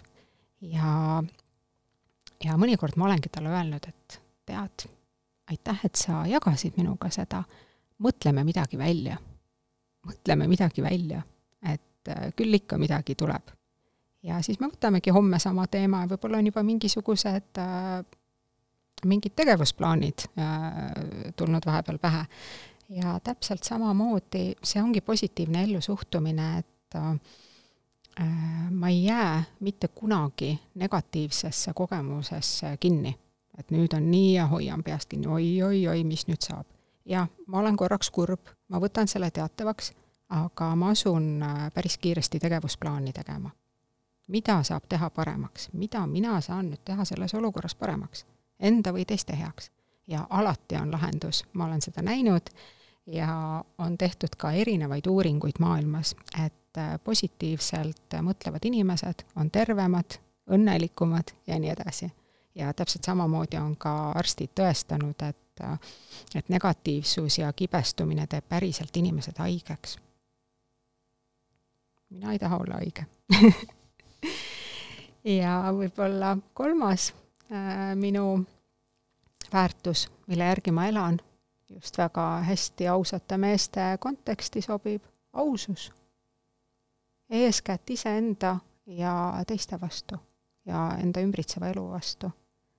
mitte midagi ei saa üles ehitada äh, ebaausalt, et see on täpselt ka äh, just palgaläbirääkimiste teema osas on väga palju tuldud minu juurde ja, ja öeldud ka just, et aga et okei okay,, et aga mul ei ole ju erilist haridust või mingisugust niisugust karjääri, et mis ma, kuidas, mille pealt ma küsin. Et mis ma, et äkki on mingid trikid või midagi, et midagi niisugust, mida saaks, et sina, Irene, oskad, on ju. ma ütlen, et ei, et ma ei oska midagi välja mõelda või laest tuua. et mina soovitan ikka olla aus ja ole kõigepealt aus enda vastu ja sa saad aru, mis on sinu tugevused. ja täpselt selle pealt küsidki sellepärast et äh, kui sa oled ebaaus, siis see maksab varem või hiljem kätte ja jätab sinust äh, väga halva mulje ja nii edasi. Need on äh, kõik väga head väärtused tegelikult, mul siin on kohe täi-, kaks täpsustatud küsimust ka kohe nende samade väärtuste kohta, et aga võtan kolmandast kinni, sest tegelikult noh, siin küsimust ei tule, aga ma saan sulle jagada enda lugu, kuidas mulle siin mingi aeg sõber saatis mulle, ma arvan, see oli mingi aasta, võib-olla poolteist tagasi, sõber saatis mulle töö, töökuulutuse nii-öelda siis äh, kus siis mu enda äh, tuttav või noh, sõber äh, otsis siis äh, turundusjuhti. Ja see ettevõte on nagu väga kihvt, ma olen väga suur fänn sellel ettevõttel ja neid toetanud ja, ja läbi käinud ja igatepidi nagu alati valmis nendega kaasa punti lööma ja ja siis mul oli kohe see mõte, et kurat, tegelikult tahaks täiega minna sinna. et nagu nii lahe, vaata, nii lahe oleks olla nendega koos, et see on nagu idea-, ma olen mõelnud, kuidas saaks selle tiimiga ühenda, ühineda ja nüüd on nagu võimalus ja siis, kui loed nagu töökirjeldust ja asju, mida nad tahavad saada, siis saad aru, seda lugedes, et kas ei ole mina. Et see ei ole nagu mina, et isegi kui ma suudaksin praegu kirjutada ülihea motivatsioonikirja ja isegi kui ma saaksin selle töö, mis on ebatõenäoline, tõenäoline, sellepärast et kui nad minuga juba suhtlevad, siis nad poleks ka teinud avalikku kuulutust, sest järelikult nende enda ümber ei olnud piisavalt nende jaoks sobivat inimest, muidu oleks nad kellegi tuttava juurde ilma seda kuulutust tegemata üldse ja, ja kui ma isegi suudan ära müüa, siis ma tean, et ma tegelikult jääksin hätta juba esimesel kuul. ja ma otsustasin mitte, mitte kandideerida, siis sõber ütles mulle, et ei no aga miks sa vähendad ennast, et ära vähenda ennast, et mine ikkagi täie rauaga peale ja õpid kogem-, õpid nagu kogemuse käigus, on ju, tegemise käigus. ma olen nagu nõus, aga siin on see aususe koht, mis minul on hästi oluline, et mul on väga tugev intuitsioon, mis ütleb mulle ära kohe, millega on tegemist, kas ma valetan endale totaalselt, pean ma seda tegema, ei pea ma seda tegema ja sel hetkel ma sain kohe aru, et see ei ole see koht, kus ma peaksin tegema, kuigi ta ahvatles väga tugevalt mind, aga ma teadsin, et ma ei saa sellega hakkama. see oli nagu noh, mingil määral valus äh, tagasiastumine, sest et äh, väga soovisin, aga ma teadsin, et see võib rikkuda omavahelisi suhteid, äh, minu mainet, on ju, ma vean inimesi alt, raiskan nende ettevõtte raha piltlikult öeldes ja tegelikult ei too tulemust. ja see on täiesti mõttetu koht, kuhu astuda kas äh, see on sinu meelest, äh, kui, kui ütleme nagu kõrvaltvaatajana või coach'ina õigustatud otsus või tegelikult peaks ikkagi lähtuma sellest, et äh, lähen ja õpin kogemuse käigus või tegemise käigus mm? -hmm. või kust on see piir mm? -hmm. Äh, tead, et siin oleneb nüüd hästi palju, kas see, mida sa tundsid, ei ole ikka päris sinu jaoks töökirjeldust, mida sa lugesid ja sa valetaksid endale, kui sa võtaksid selle vastu kas äh, sulle tundus, et sa äh, enda isiksuse omaduste poolest ei kataks seda kohta ära ja jääksid jänni? Või oli äh, praktilistest teatud teadmistest puudu, sellepärast et kui on number üks, siis jah, sa valetad endale, näiteks noh, ma ei tea, lähed kuskile saatejuhiks, kandideerid, on ju, ja sa absoluutselt, sa lähed krampi, sa ei suuda avalikult esineda ja sa ei ole kunagi seda suutnud ja noh, see on sulle raske, on ju. et äh, see, sellest ei tule head nahka.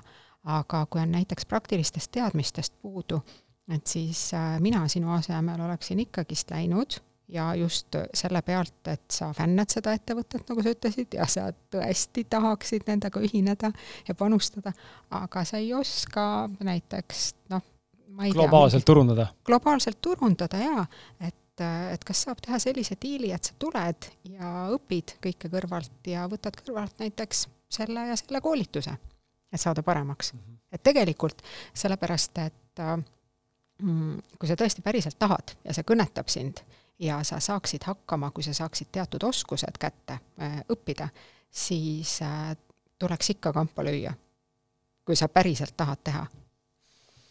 sellepärast, et oskused on õpitavad mm, -hmm. erinevad programmid on õpitavad.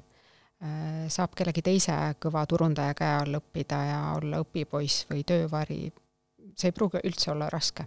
aga kui sa näiteks, noh, püüan nagu täpsustada siis, et kui sa näiteks tead, et äh, ettevõtte omanikud ise on nagu fantastilised turundajad oma ettevõttes ja sinu teadmised ei küündi täna elu sees sinna, kus on nemad ja nad otsivad endale juba kõrvale nagu turundusjuhti, kes tõenäoliselt oleks pädevam kui nad ise, on ju, või siis sama pädevad, sest neil on muud asjad juures veel, siis see nagu andis mulle aimu, et äh, kas on vaja nagu minna nagu torkima, kui ma tean, et nad on must juba kümme aastat arengu sees ja ma tegelikult ei ole ka nagu selle valdkonna vastu nii huviline, äh, et kas ma jõuan nagu sinna nende ootusteni või mitte. äkki ma raiskan aega lihtsalt, nende aega, enda aega. aga siis tuleb proovida. Anda võimalus endale ja neile olla aus eks ole, rääkida, et ma, et ma tõesti austan teid ja ma olen näinud, mida te olete ära teinud ja ma tahan kampa lüüa ja teie kõrvalt õppida, kuidas te toimetate, kuidas te tegutsete. Äh, aga tegelikult see on ka hästi hea point, mis sa praegu välja tõid, et äh, sa nägid enda ees selliseid professionaale ja siis tekib tihtipeale aukartus, et oi-oi-oi, et nad on siin niisugused tegijad ja ma ei tea, kas mina ikka saan hakkama. Ja mul tuli kohe endaga ka paralleel minu koolitaja karjäärist, kui mulle pakuti seda kohta ja kõik ja muidugi mulle meeldis ja ma ju tahan inimesi aidata ja ma tahan selgitada, aga äh, minu eelkäija oli väga kõva koolitaja ja kes teadis ikka väga hästi seda teemat ja oli väga hea enda positsioonis. ja minul oli ka niisugune väike kahtlus, mis näris. ma ütlesin enda juhile, see on minu elu esimene Äh, coach iv ja toetav juht, keda ma austan väga.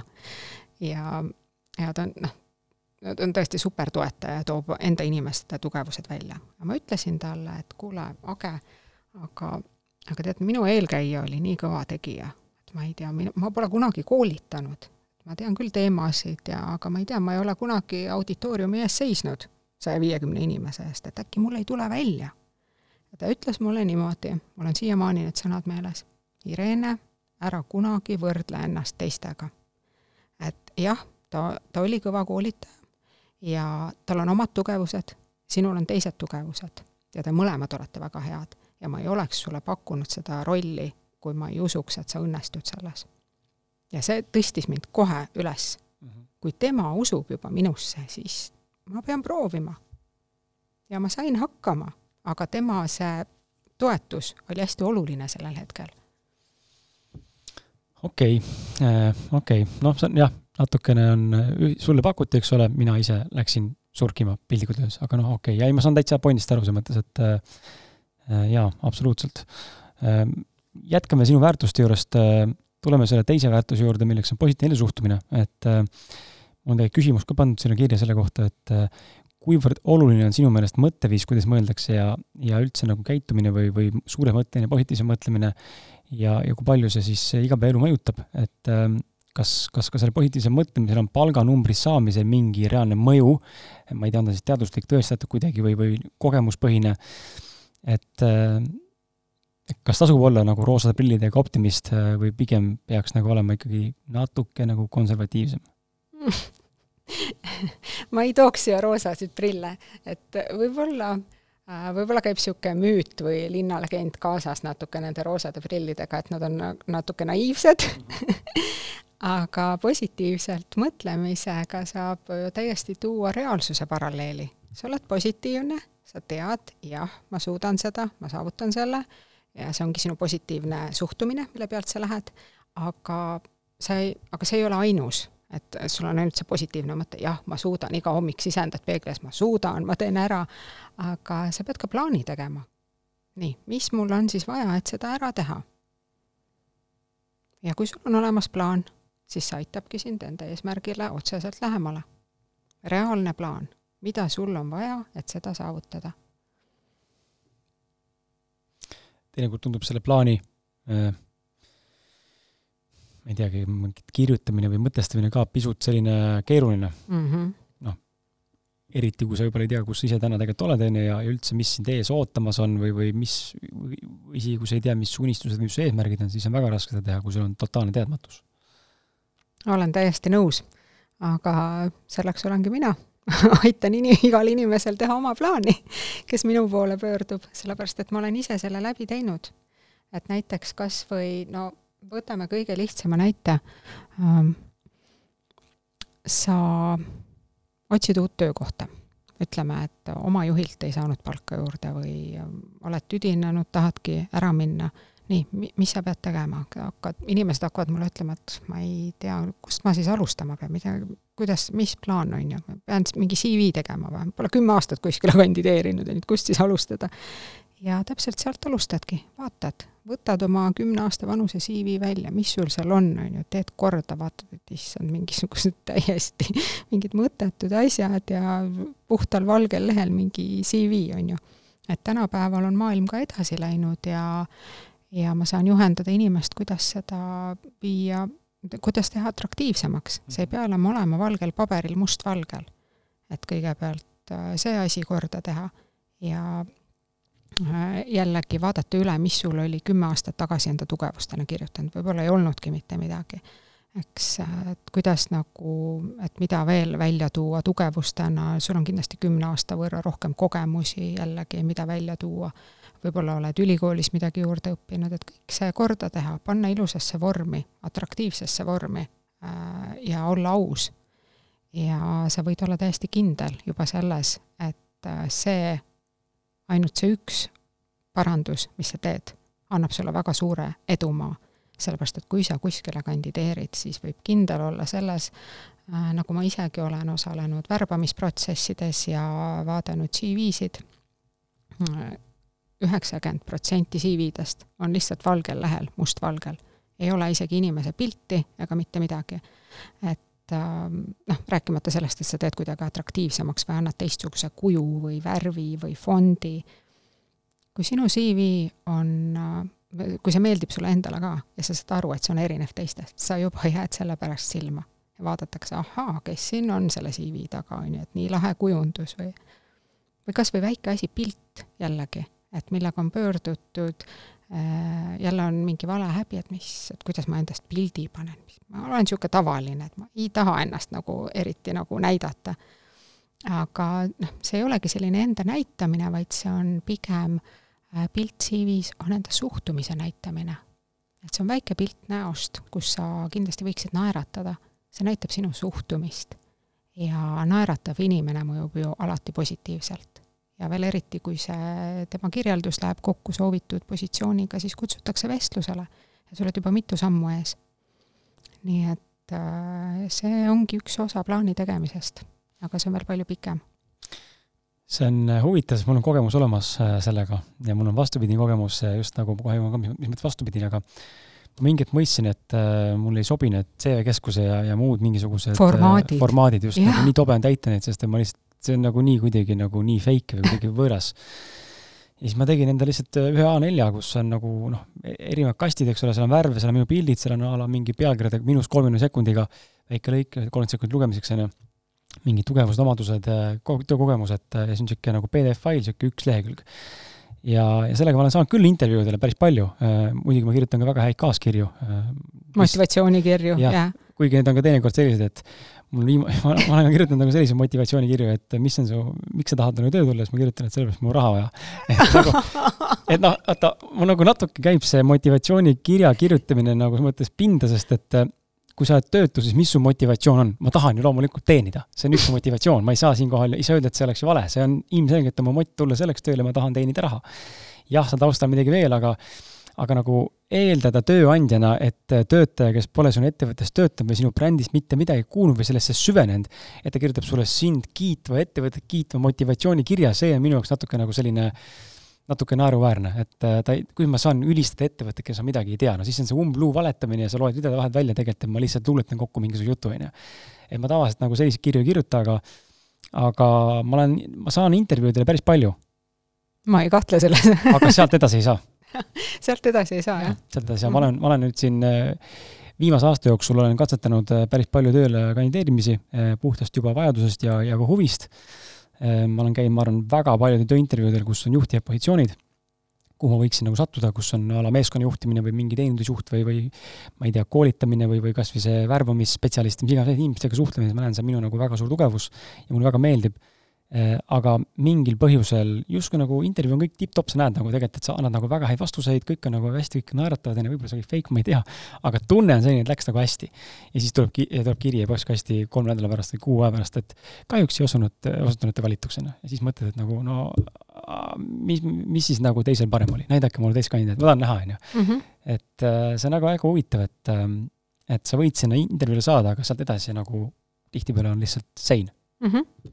aga tegelikult, kas sa niimoodi ei ole mõelnud, Kris, et, et see, need intervjuudele saamine, isegi kui sind see ei osu-, kui sa ei osutu valituks, kas ei ole hea kogemus sulle? sa saad jällegi rääkida erinevate inimestega, sa saad kuulata, mida sinult oodatakse või mida nemad enda ettevõtte väärtustest räägivad või positsioonist. et see on ju jällegi väga väärtuslik kogemus ei ole, ei ole niimoodi mõjunud otseselt. Mm, -hmm. pean tunnistama, et niimoodi ei ole mitte kordagi vist mõjunud, et see on äge kogemus, pigem on nagu tekkinud see, et perse noh ma ei taha, ma ei tahagi minna järgmine kord, sest et ma nagunii ei saa. aga tead, mis või see tegelikult need igasugused äraütlevad vastused ja ei, äh, miks inimesed ei julge küsida palka juurde, juurde või ka tööle kandideerides küsida õiglast töötasu, jälle kardetakse ei vastust. Mhm. et äh, mina olen enda kogemustest õppinud, et ei, ei ole kunagi millegi lõpp, vaid hoopis algus. et siis tulebki hakata mõtlema, okei okay,, nii, jälle, sinna ka ei saanud mm, -hmm. mis ma tegin, mis ma seal rääkisin, mis ma võisin, äh, mida ma saan paremini teha, mida ma saan muuta, et sa nagu kogu aeg äh, Äh, analüüsid ja muudad, teed mingi väikse muudatuse, lähed jälle tööintervjuule, vaatad, kuidas see läheb. kas see töötas? või kuidas nagu üldse sinu vastas olevad inimesed sellesse suhtuvad? Sellepärast, et kui me, kõik teavad ju seda, et kui me teeme ühte asja kogu aeg samamoodi, siis me ei saa oodata teistsugust tulemust, just. ja seesama asi. aga kuna sa rääkisid sellest, et, et sa ikkagi tahad proovida palgatööd mingis mõttes ja sa, ma kuulsin ka sinu tugevusi, siis pärast saadet ma räägin sinuga nagu kuri õpetaja, pärast tundi räägin sinuga. räägin sinuga positiivsest ja. võimalusest, jah okei okay., äh, lähme sinu väärtustega edasi. esimene väärtus, mida sa mainisid, on siis kõrged ootused iseendale ka mm, -hmm. ehk siis ambitsioonikus. see tegelikult on ju väga paljugi inimestes, äh, ta võib osutuda vastupidiseks negatiivselt. ehk siis meil on liiga kõrged ootused, ma piitsutan ennast liiga palju, see on ka minul, ma olen näinud, ma olen läbi, läbipõlemise äärel olnud, sellepärast et ma näen, et minus on meeletu pinge ja mingisugune tähtsus enda mingit tegemistele seatud ja sealt tegelikult see piitsutamise jada on nii suur, et seal ei, ei, ei tule nagu endale sellist noh, et ma olen kõva vend, on ju et enda rinnale patsutamine puudub ja, ja pigem ongi enda nagu pidev mahategemine ja pidev nagu selline mõttetult äh, isegi ütleme, ruineerivalt nagu nullimine, et tee rohkem, tee rohkem, tee rohkem ja tegelikult lõpuks sa oled täiesti nagu noh, pilditu, on ju. et äh, kuidas see sinu puhul on olnud, kas sa näed ka sellist, äh, oled kogenud nagu seda ohtu või seda teist nagu sinna kaalukausi kukkumist, et et see kõrged ootused justkui on nagu kihvt ja tore, aga ta võib olla ka väga ohtlik mm? -hmm sellega on nüüd äh, nii ja naa, äh, sellepärast et see, äh, nagu sa ise mainisid ka, liiga kõrgete ootuste seadmine võib inimesed viia läbipõlemiseni. ehk siis see, et sa piitsutad ja piitsutad ja ma pean veel olema parem ja see ei ole piisav ja äh, alati saab olla parem, absoluutselt alati saab kõiges olla parem ja alati on keegi sinust veel parem ja see on jällegi, mm, tuleks tulla tagasi reaalsusesse, mitte võrrelda ennast kellegi teisega ja mm, mitte äh, kuidas ma ütlen, mitte liiga õhukese jää peale minna, et läbi kukkuda. ehk siis see liigne piitsutamine, mis ei too mitte positiivset tulemust, vaid põletab sind läbi ja ei anna sulle mitte mingisugust edu ega kellelegi teisele sinu ümber.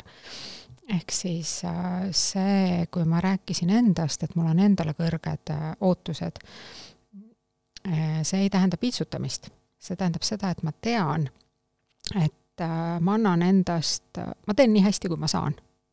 kindlasti saab veel paremini, aga ma ei kuluta liiga palju aega, ma ei tee ülejala, ma olen tähelepanelik ja ma annan ikkagi endast parima ja ma olen sellega rahul.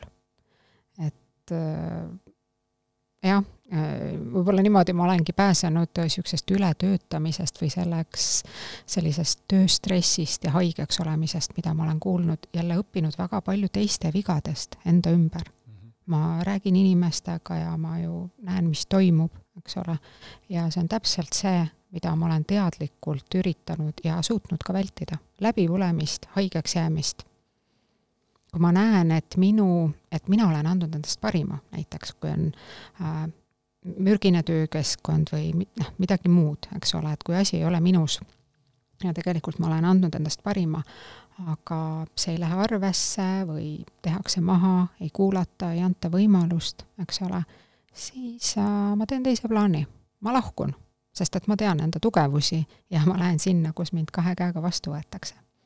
ei tohi jääda kinni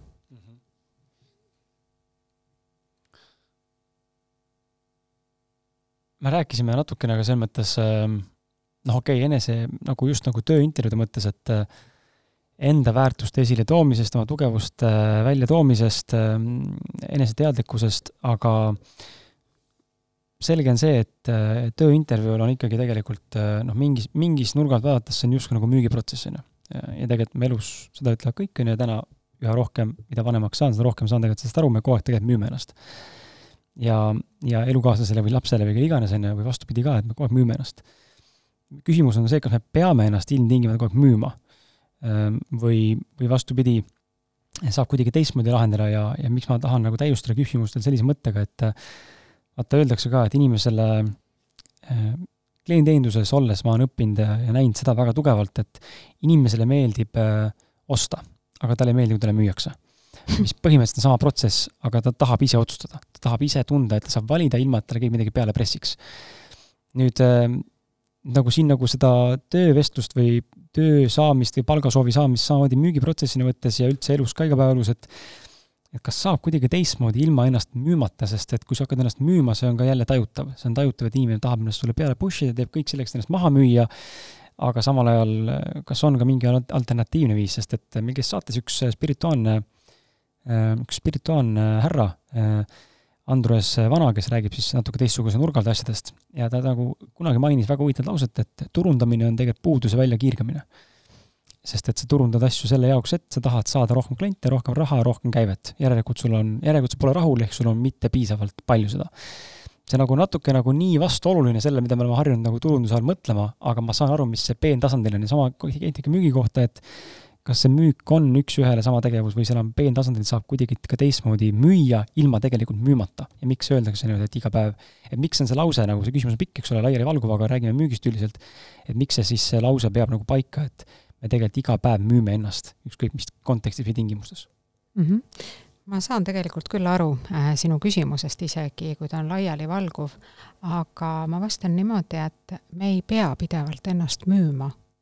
Ja ma sõnastaksin selle müümise hoopis äh, näiteks tööandja silmis, me ei peaks müüma mitte ennast, vaid enda väärtust sellepärast et kuidas sa, eks seda saab erinevalt tõlgendada, aga see on minu arvamus ja niimoodi ma olen ka üritanud seda lahti selgitada, et me müüme enda väärtust. Et noh, see ei ole päris niimoodi, et sa tuled uksest sisse ja ütled, et siin ma olen võtke või jätke. et keegi ei näe sinu sisse, kui sa ei hakka nagu seda lahti rullima ja rääkima, mis on siis sinu väärtus. ehk siis äh, kui sa küsisid niimoodi, et kas me peame pidevalt ennast igal pool müüma, äh, siis äh, tööelu kontekstis, äh, kui me soovime, oleneb, mis on meie ambitsioonid ja mis on meie plaan, kui me soovime palka juurde küsida, siis see on ju üsna loogiline, et seda tuleb ka põhjendada. nii et me müüme enda juhile enda väärtust. me selgitame enda väärtust. mida ma olen teinud paremini, miks ma olen seda palka väärt, ja kas äh, juht nõustub minuga, ehk siis enda väärtuse müümine. aga eraelu kontekstis, ähm, et kas me peame näiteks enda abikaasale või elukaaslasele või lastele ennast pidevalt äh, tõestama või kuidagi niimoodi, äh, mina arvan, et eraelus meie lähedased suhted peaksid ikkagist tuginema aususele ja avatusele. me ei pea midagi tõestama, sellepärast et äh, võtame kas või kõige lähedasemad suhted, sinu elukaaslane või abikaasa, kui ta päriselt armastab sind, siis tal on huvi sinu vastu ja ta teab, kes sa oled, ta teab sinu väärtusi, ta teab, miks ta sind armastab ja täpselt sama on vastupidine, see on vastastikune suhe. et äh, ma arvan, et äh, kui, kui jõutakse nii kaugele, et sa tunned, et sa pead ennast kogu aeg tõestama või selgitama või nagu õigustama, siis on juba midagi pahasti ja sellest tuleks rääkida.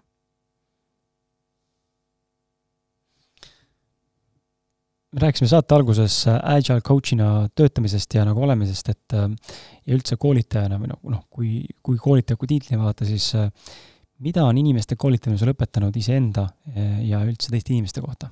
just nagu psühholoogilisest aspektist või vaimsest aspektist vaadatuna, et mida sa oled nagu õppinud märkama selle tulemusena mm? -hmm väga hea küsimus äh, ma olen õppinud äh, seda, et äh, kõik inimesed on väga erinevad. Ja koolitajana on oluline, et sinu sõnum jõuaks kohale. sa ei räägi iseendale, ei vurista nii kiiresti ja, ja sinu huvi on, et sinust saadakse aru. ja mida rohkem inimesi saab sinust aru, annab tagasisidet, tänab Äh, teeb täpsustusi või toob midagi täpsemalt välja, mida sa rääkisid ja kuidas see teda mõjutas, see annab tegelikult igale koolitajale ja coach'ile tagasiside, et sa oled enda asjas hea. Sul tuleb hästi välja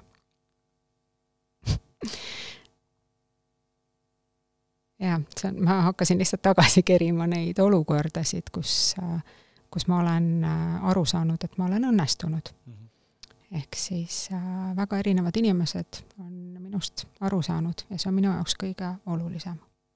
see, et sa oskad edastada enda sõnumit. sellepärast, et koolitajatega on ju natukene sarnane olukord ka nagu õpetajaga klassi ees. õpetajana sa pead ju ka andma enda ainet ja veendume, et õpilased saavad hästi aru mm, -hmm. aga klassis on kolmkümmend viis õpilast, kõik on erinevad, mõned on väga head, teised ei ole nii head selles aines. ja sa peaksid tegelikult veenduma, et kõik saavad aru. et äh, see, see on nagu, see on väga suur vastutus.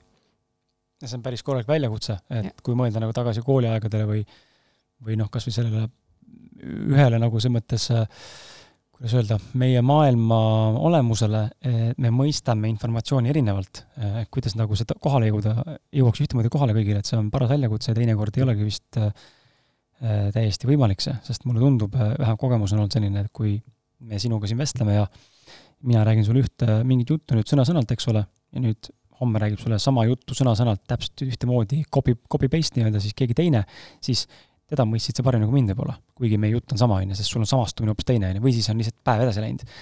et selles mõttes on jah, ma olen nagu nõus, et see vastutus on päris suur ja, ja see oskus äh, informatsiooni nagu kommunikeerida siis erinevate arenguastmetele või tasemetele on nagu päris suur kunst jah, see on ja tegelikult seesama näide, mida sa ise tõid ka, et me oleme erinevad inimesed me kuuleme samu sõnu, aga saame erinevalt aru ja see on täiesti normaalne. see, seda peegeldub igalt poolt ja täpselt samamoodi ma saan ka äh, rääkida enda lapsevanemaks olemise tarkust, et kuidas lapsele selgitada asju, et ta saaks aru ja et sa ei peaks olema see lapsevanem, kes kogu aeg ütleb, ma ju ütlesin sulle, ma ju rääkisin, ei saa ja ei tohi ja kõik, on ju. aga ta ei saa aru, miks ei tohi ja homme ta küsib täpselt sama asja ja sa oled juba tüdinenud mitu korda ma pean sulle ütlema.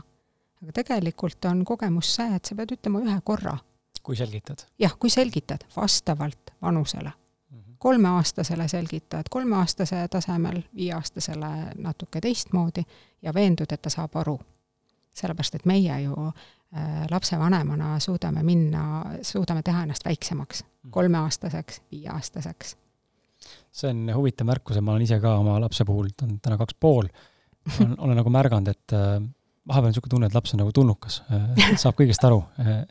ja siis ma olen mõelnud, huvitav, et äkki see on hoopis sellepärast, et jah, tal võib olla ka natuke nagu teadlikkust rohkem, eks ole, mina vanemana olen võib-olla mingit intelligentsi või nagu loomulikku eeskuju andnud oma naisega koos ähm,, võrreldes nagu klassikaliste perestandardite või käitumismustritega, aga samal ajal näen ka, et minu kommunikatsiooni ja naise kommunikatsiooni või eneseväljenduse võime viia see informatsioon või, või nagu mingi point siis tema äh, arenguastmele vastavalt on nagu hästi, hästi nagu kommunikeeritud ja ta saab tegelikult aru, on ju, et täna ka oli hea situatsioon, kus enne kui linna hakkasin tulema, no mul on niisugune tund, tund kakskümmend sõitu peaaegu äh, linna ja siis äh, läksin temaga õue jalutama, meil oli niisugune tunnik aega, enne kui sõitma hakkan.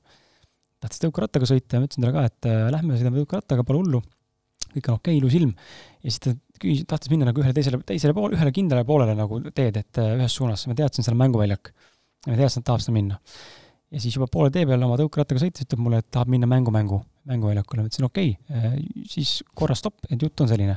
me läheme sinna, ma olen nõus sinuga tulema, aga sa pead sellest aru saama, et täna äh, issi läheb nii-öelda linna ja, ja kui ma ütlen sulle mänguväljakul, et nüüd on kõik, lähme tagasi koju, siis sa pead minust aru saama, et me lähme koju ja me ei hakka seal jonnima ega seal nii-öelda nagu siis nägusid tegema ega minuga võitlema seal.